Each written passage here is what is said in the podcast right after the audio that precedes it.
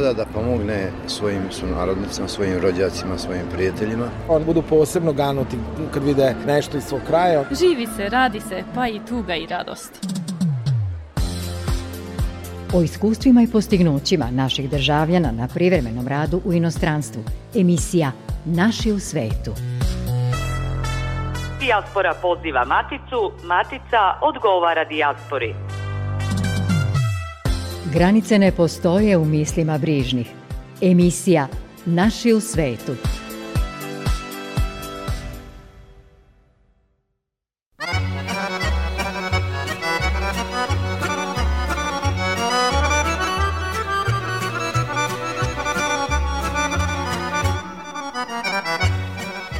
Poštovani slušalci, dobrodošli u emisiju koja povezuje Maticu sa rasejanjem. Jedan od takvih susreta priprema se u Beogradu za jun. Čućemo kakav program očekuje predstavnike naše zajednice i sveta. U narednih pola sata i o tome kako su Srbi u Francuskoj obeležili Uskrs – Sa nama će biti i Dragan Jakovljević iz Budimpešte, urednik tamošnjeg glasila koje informiše našu zajednicu u Mađarskoj. Za tonskim pultom je Daniel Slimak. Ja sam Goran Pavlović. Još jednom, dobro nam došli.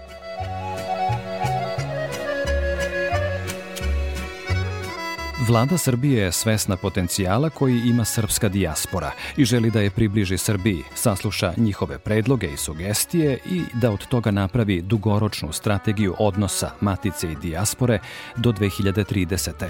Rekao je ministar u vladi Srbije zadužen za odnos sa dijasporom Đorđe Milićević.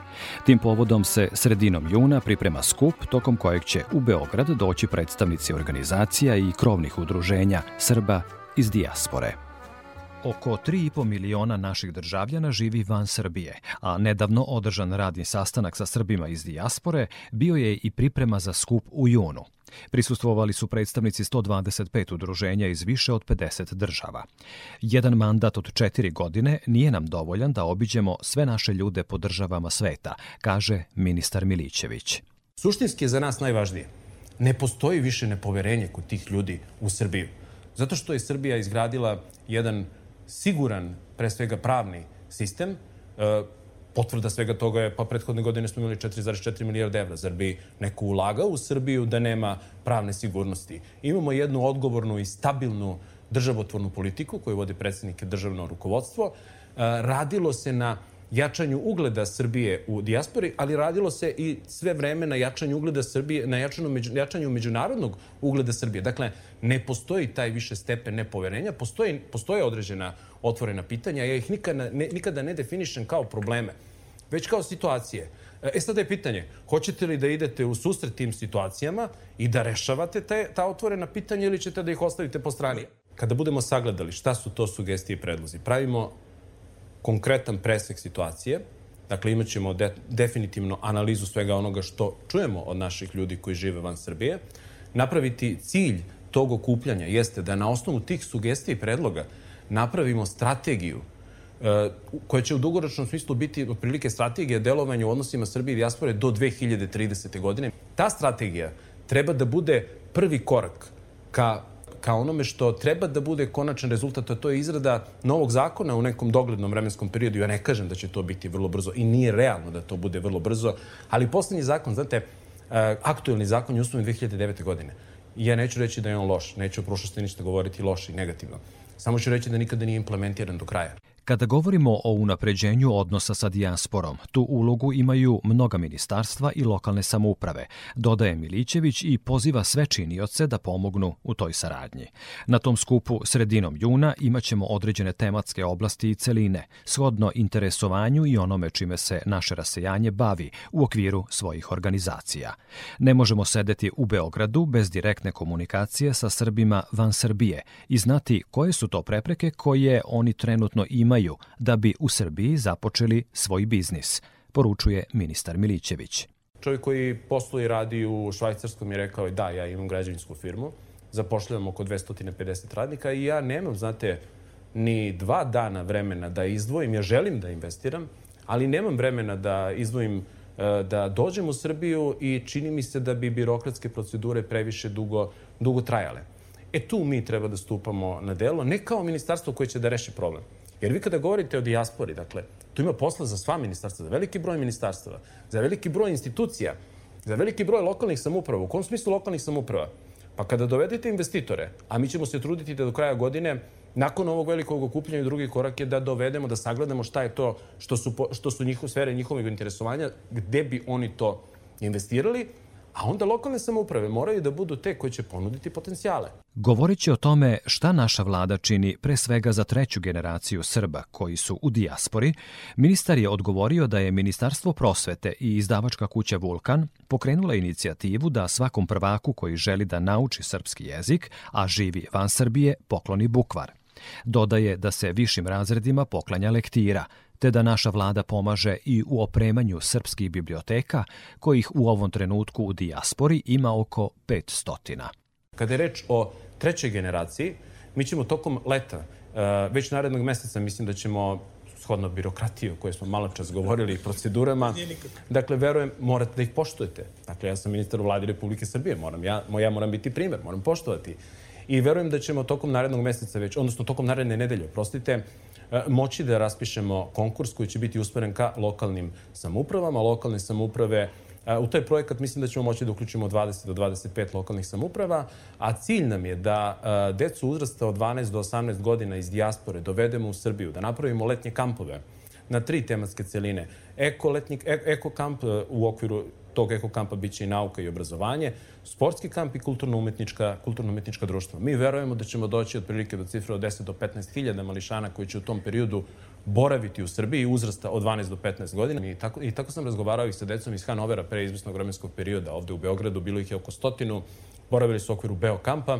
Ja sam im rekao, uh, baš oko maternjeg jezika. Interesovalo me kada dođu kući, kada završ, prođe škola, prođe sve, dođete kući, kako razgovarate sa vašim roditeljima? Na kom jeziku? Oni kažu na srpskom. Odlično. Šta razmišljate u perspektivi? Kako gledate, kako vidite vašu budućnost?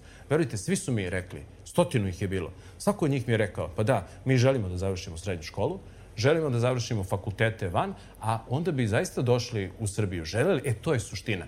Da njihovo znanje i iskustvo iskoristimo ovde u Srbiji. Da bi ga iskoristili, moramo više da im približimo Srbiju srcu. Približit ćemo im tako što će voliti Beograd, ali će upoznavajući unutrašnjost, družeći se sa svojim vršnjacima, jer mi želimo da povežemo našu decu iz dijaspore sa decom iz Srbije, dakle, družeći se kroz ove letnje kampove, a onda nakon toga uzvratna poseta da naša deca odlaze u dijasporu, nastave da razmenjuju znanja i iskustva, ja sam ubeđen da ćemo im više približiti E, srce Srbiji, da će više zavoleti Srbiju ako još, još, još budu u mogućnosti da sagledaju i turističke potencijale e, unutrašnjosti i istorijske i kulturne znamenitosti. To je suština onoga što želimo da postignemo na osnovu letnjih kampova. Naš cilj je da u narednom periodu dođemo do svih srpskih udruženja i organizacija u svetu, kako bi susret Matice sa dijasporom u junu u Beogradu bio što brojniji i uspešniji i kako bi i građani u Srbiji shvatili kolika je važnost dijaspore i svakog povratka našeg građanina,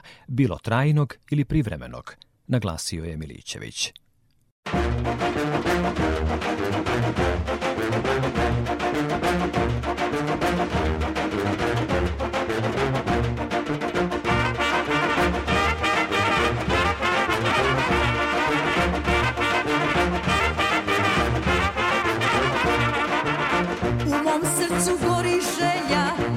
Sebe dam na dar. Dane tuge i veselja da delimo barabar. U mom srcu gori želja da ti sebe dam na dar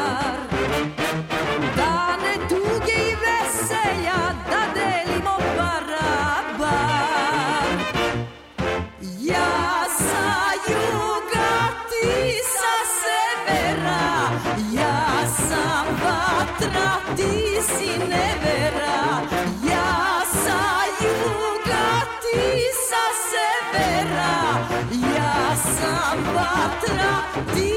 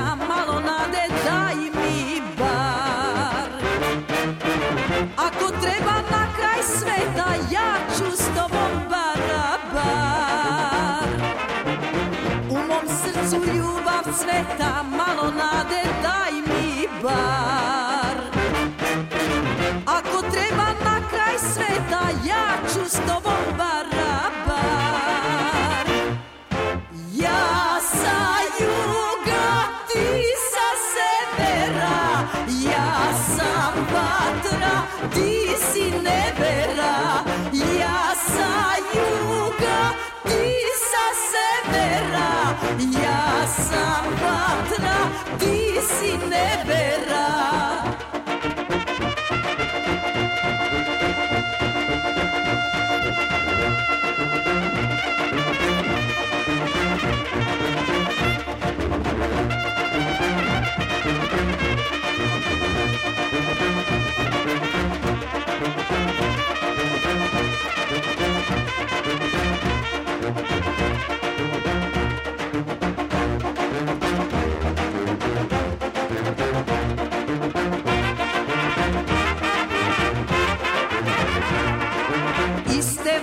vatre srećaniče, ruka ruci žar na žar.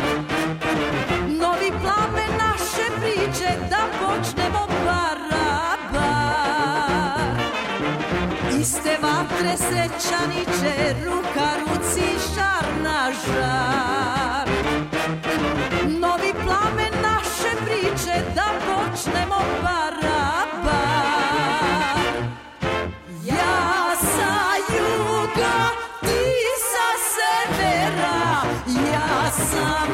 Vatra, ti si nevera Ja sa juga, ti sa severa Ja sam vatra, ti si nevera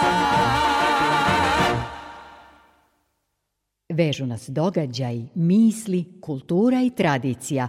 Emisija Naši u svetu.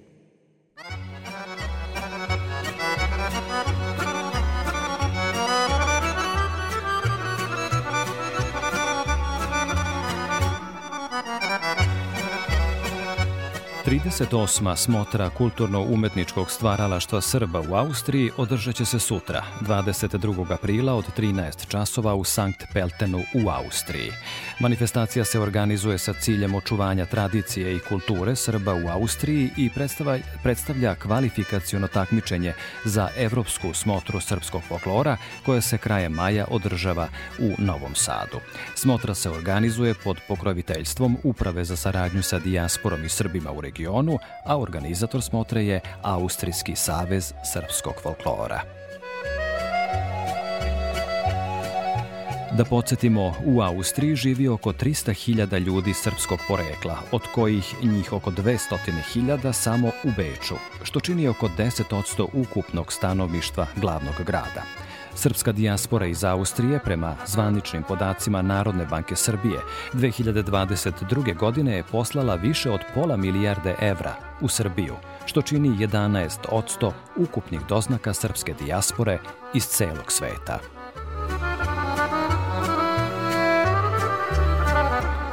U našoj redovnoj razmeni priloga sa kolegama iz Radio Beograda 1 i emisije Večeras zajedno, koja se na tom radiju emituje od 21 čas, čućemo kako je Uskrs obeležila naša zajednica u Francuskoj.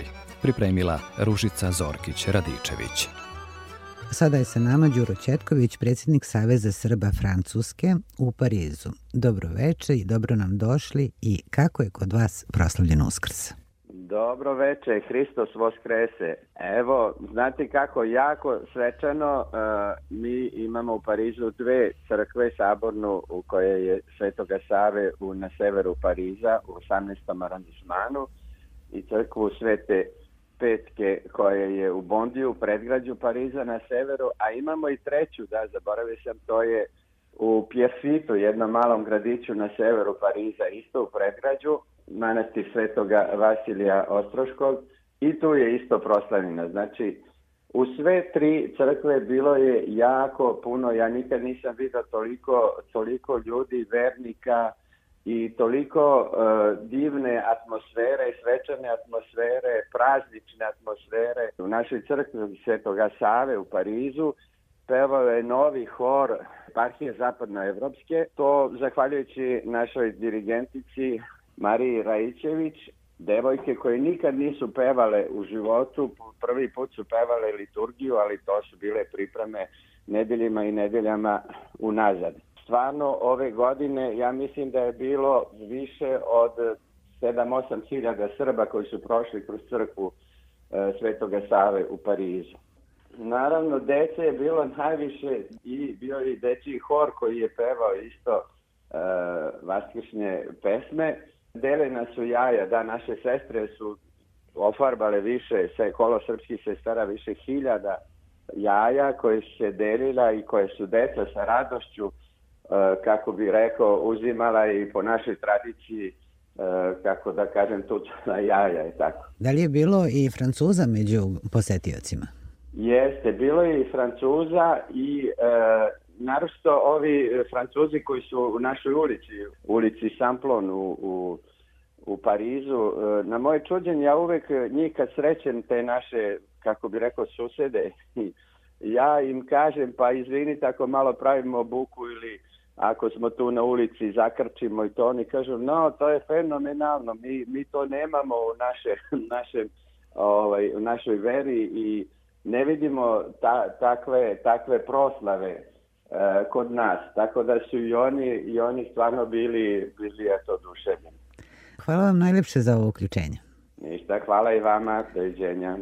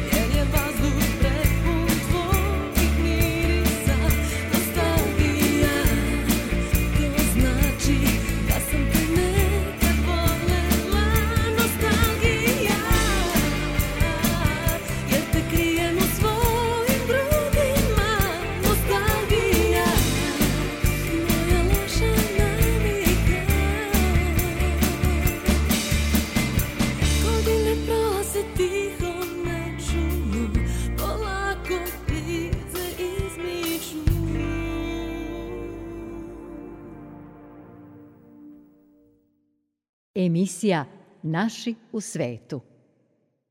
U susednoj Mađarskoj se prema nekim procenama nalazi oko 10.000 Srba. Samouprava Srba u Mađarskoj preko mreže institucija pomaže našim ljudima da ostvare svoj identitet i održe kulturno-obrazovni segment života. U Budimpešti postoji srpska osnovna škola i gimnazija, srpsko pozorište, pedagoški centar. Glavni urednik srpskih nedeljnih novina, pisac književnog porekla, profesor Filozofskog fakulteta Univerziteta Etveš Lorand u Budimpešti, Dragan Jakovljević je moj sagovornik večeras. Rođeni ste u Kragujevcu, studirali i radili u Novom Sadu i u Beogradu, u medijima, član ste udruženja novinara, radite u Budnipešti gotovo 25 godina. Bogata radna biografija. Kako biste ocenili tih 25 godina ako pogledate unazad? Pa pažljivo sam slušao ovu vašu najavu i dok ste to govorili, ja sam se setio da se unavršava 26 godina od kad sam ja u Budimpešti.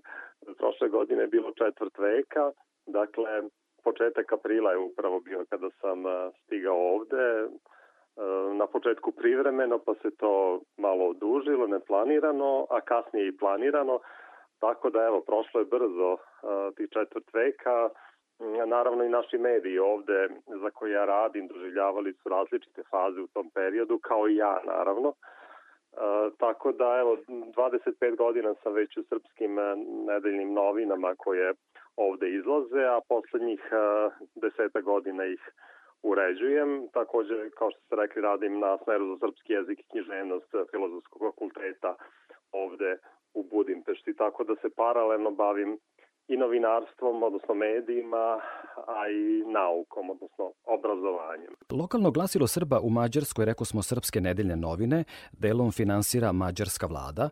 Kako biste ocenili tu saradnju i jesu li sredstva dovoljna da se neometano radi? Pa sredstva su dovoljna za puko, da kažem, preživljavanje. Mi, nažalost, možda će vam izgledati čudno, pošto radite u velikoj redakciji, mi, nažalost, imamo samo dvoje stalno zaposlenih, i par spoljnih saradnika, što za nedeljnu, što je za nedeljnu produkciju veoma malo. Ako poredimo ona sredstva koje mađarska država izdvaja za medije u Vojvodini, to zaista izgleda simbolično, jeste simbolično. Dakle, ne postoje uslovi za neki naš razvoj. Ne možemo recimo da okupimo mlade saradnike, jer ne možemo da im obećamo zaposlenje kada završe studije, kada počnu da se obučavaju kod nas, čim nađu neko sigurnije zaposlenje, oni odu, jer mi ne možemo da platimo njihov stalni radni odnos.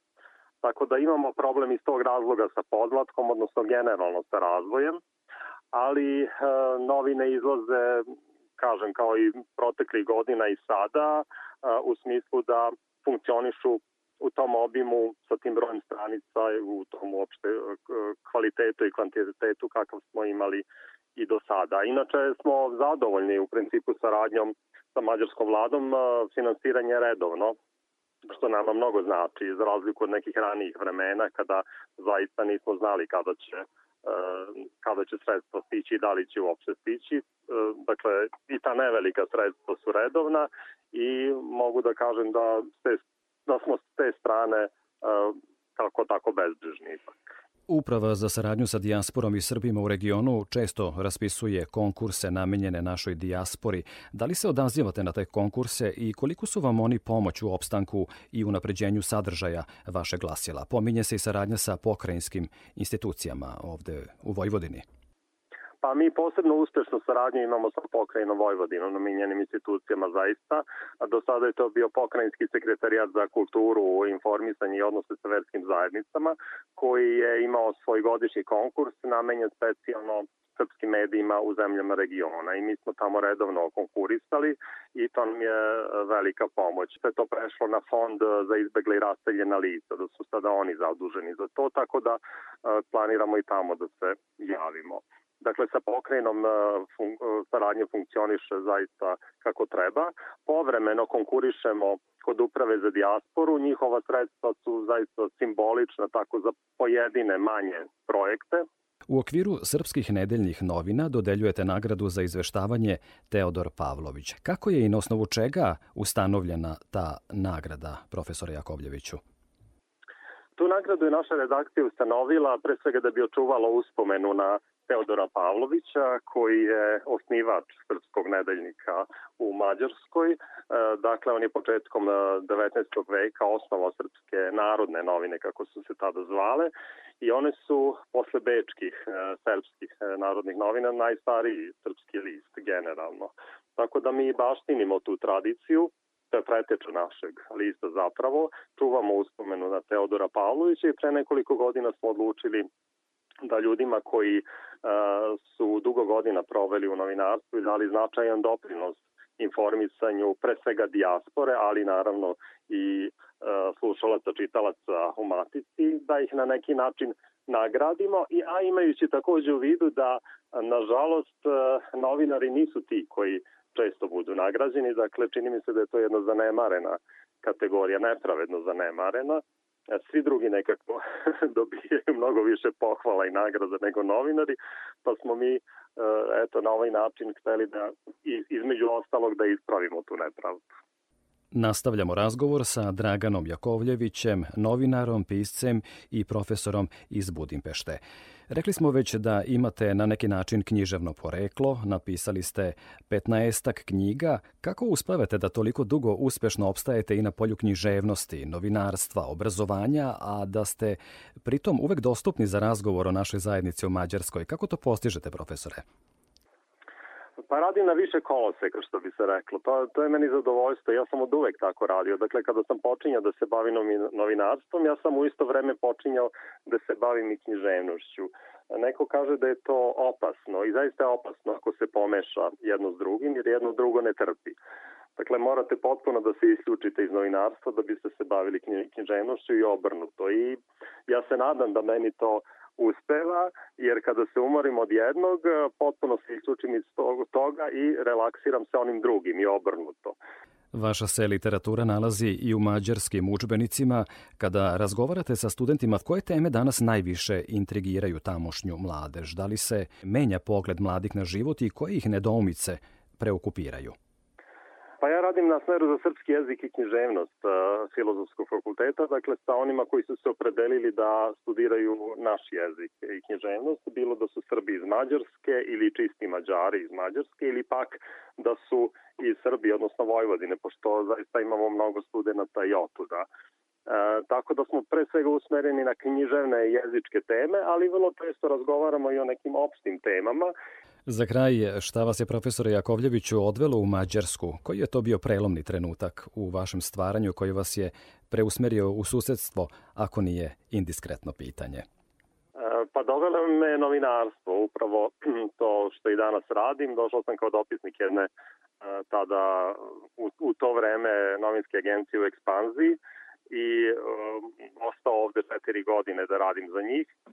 A kada je to isteklo, dobio sam tako je stice okolnosti bio praktično da sam dobio ponudu od tadašnjeg urednika našeg nedeljnika ovde da ostanem i da pomognem na neki način koliko mogu u njihovoj produkciji. Tako da sam posle kraćeg razmišljanja prihvatio tu ponudu, a kasnije je došlo moje stručno usavršavanje i eto fakultet kao, da kažem, kruna mog obrazovanja, mog školovanja, mislim na doktorske studije. Od pre šest godina radim i na fakultetu, tako da eto, na više koloseka me ima, pa nadam se da uspevam da se nekako snađem i da zadovoljim e, sve ono što se od mene očekuje u novinama čitaoce, na fakultetu studente, a u mojim knjigama takođe one koji vole pisanu reč. Hvala vam profesore Jakovljeviću što ste nam predstavili srpsku zajednicu u susednoj Mađarskoj i sebe onoliko koliko smo stigli u jednom radijskom intervju u okviru emisije u kojoj rado govorimo o postignućima naših ljudi u svetu. Govoreći o vama kao novinaru, piscu i profesoru, ostajemo nedorečeni jer je mnogo vaših ostvarenja, naročito tokom četvrt veka provedenog u dijaspori, zato imamo razlog da vas ponovo pozovemo i čujemo nešto novo o vama, jer ljudi vašeg kalibra, stvaralačkog, e, kojima se mi u Matici ponosimo, uvek mogu da nas nauče nečem novom. Hvala najlepše na lepim rečima. Ja sam zaista počastovan ovim vašim pozivom i drago mi je da Radio Novi Sad ima jednu takvu emisiju.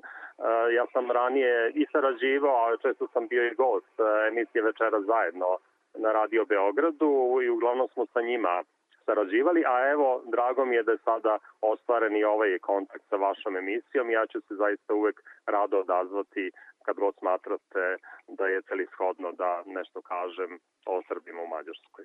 Veliki pozdrav iz Matice. Gost emisije Naši u svetu bio je Dragan Jakovljević, novinar, pisac i profesor iz Budimpešte.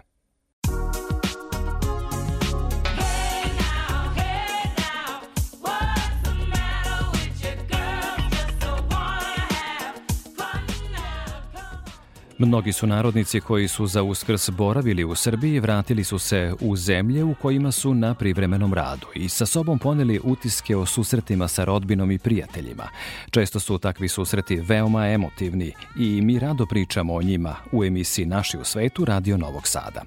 Da bismo ublažili tugu, ali i motivisali naše ljude širom sveta na dalji rad na sebi i na nove uspehe o kojima rado govorimo, Pozivamo vas da nas slušate i sledećeg petka od 19.05. Prijatno veče.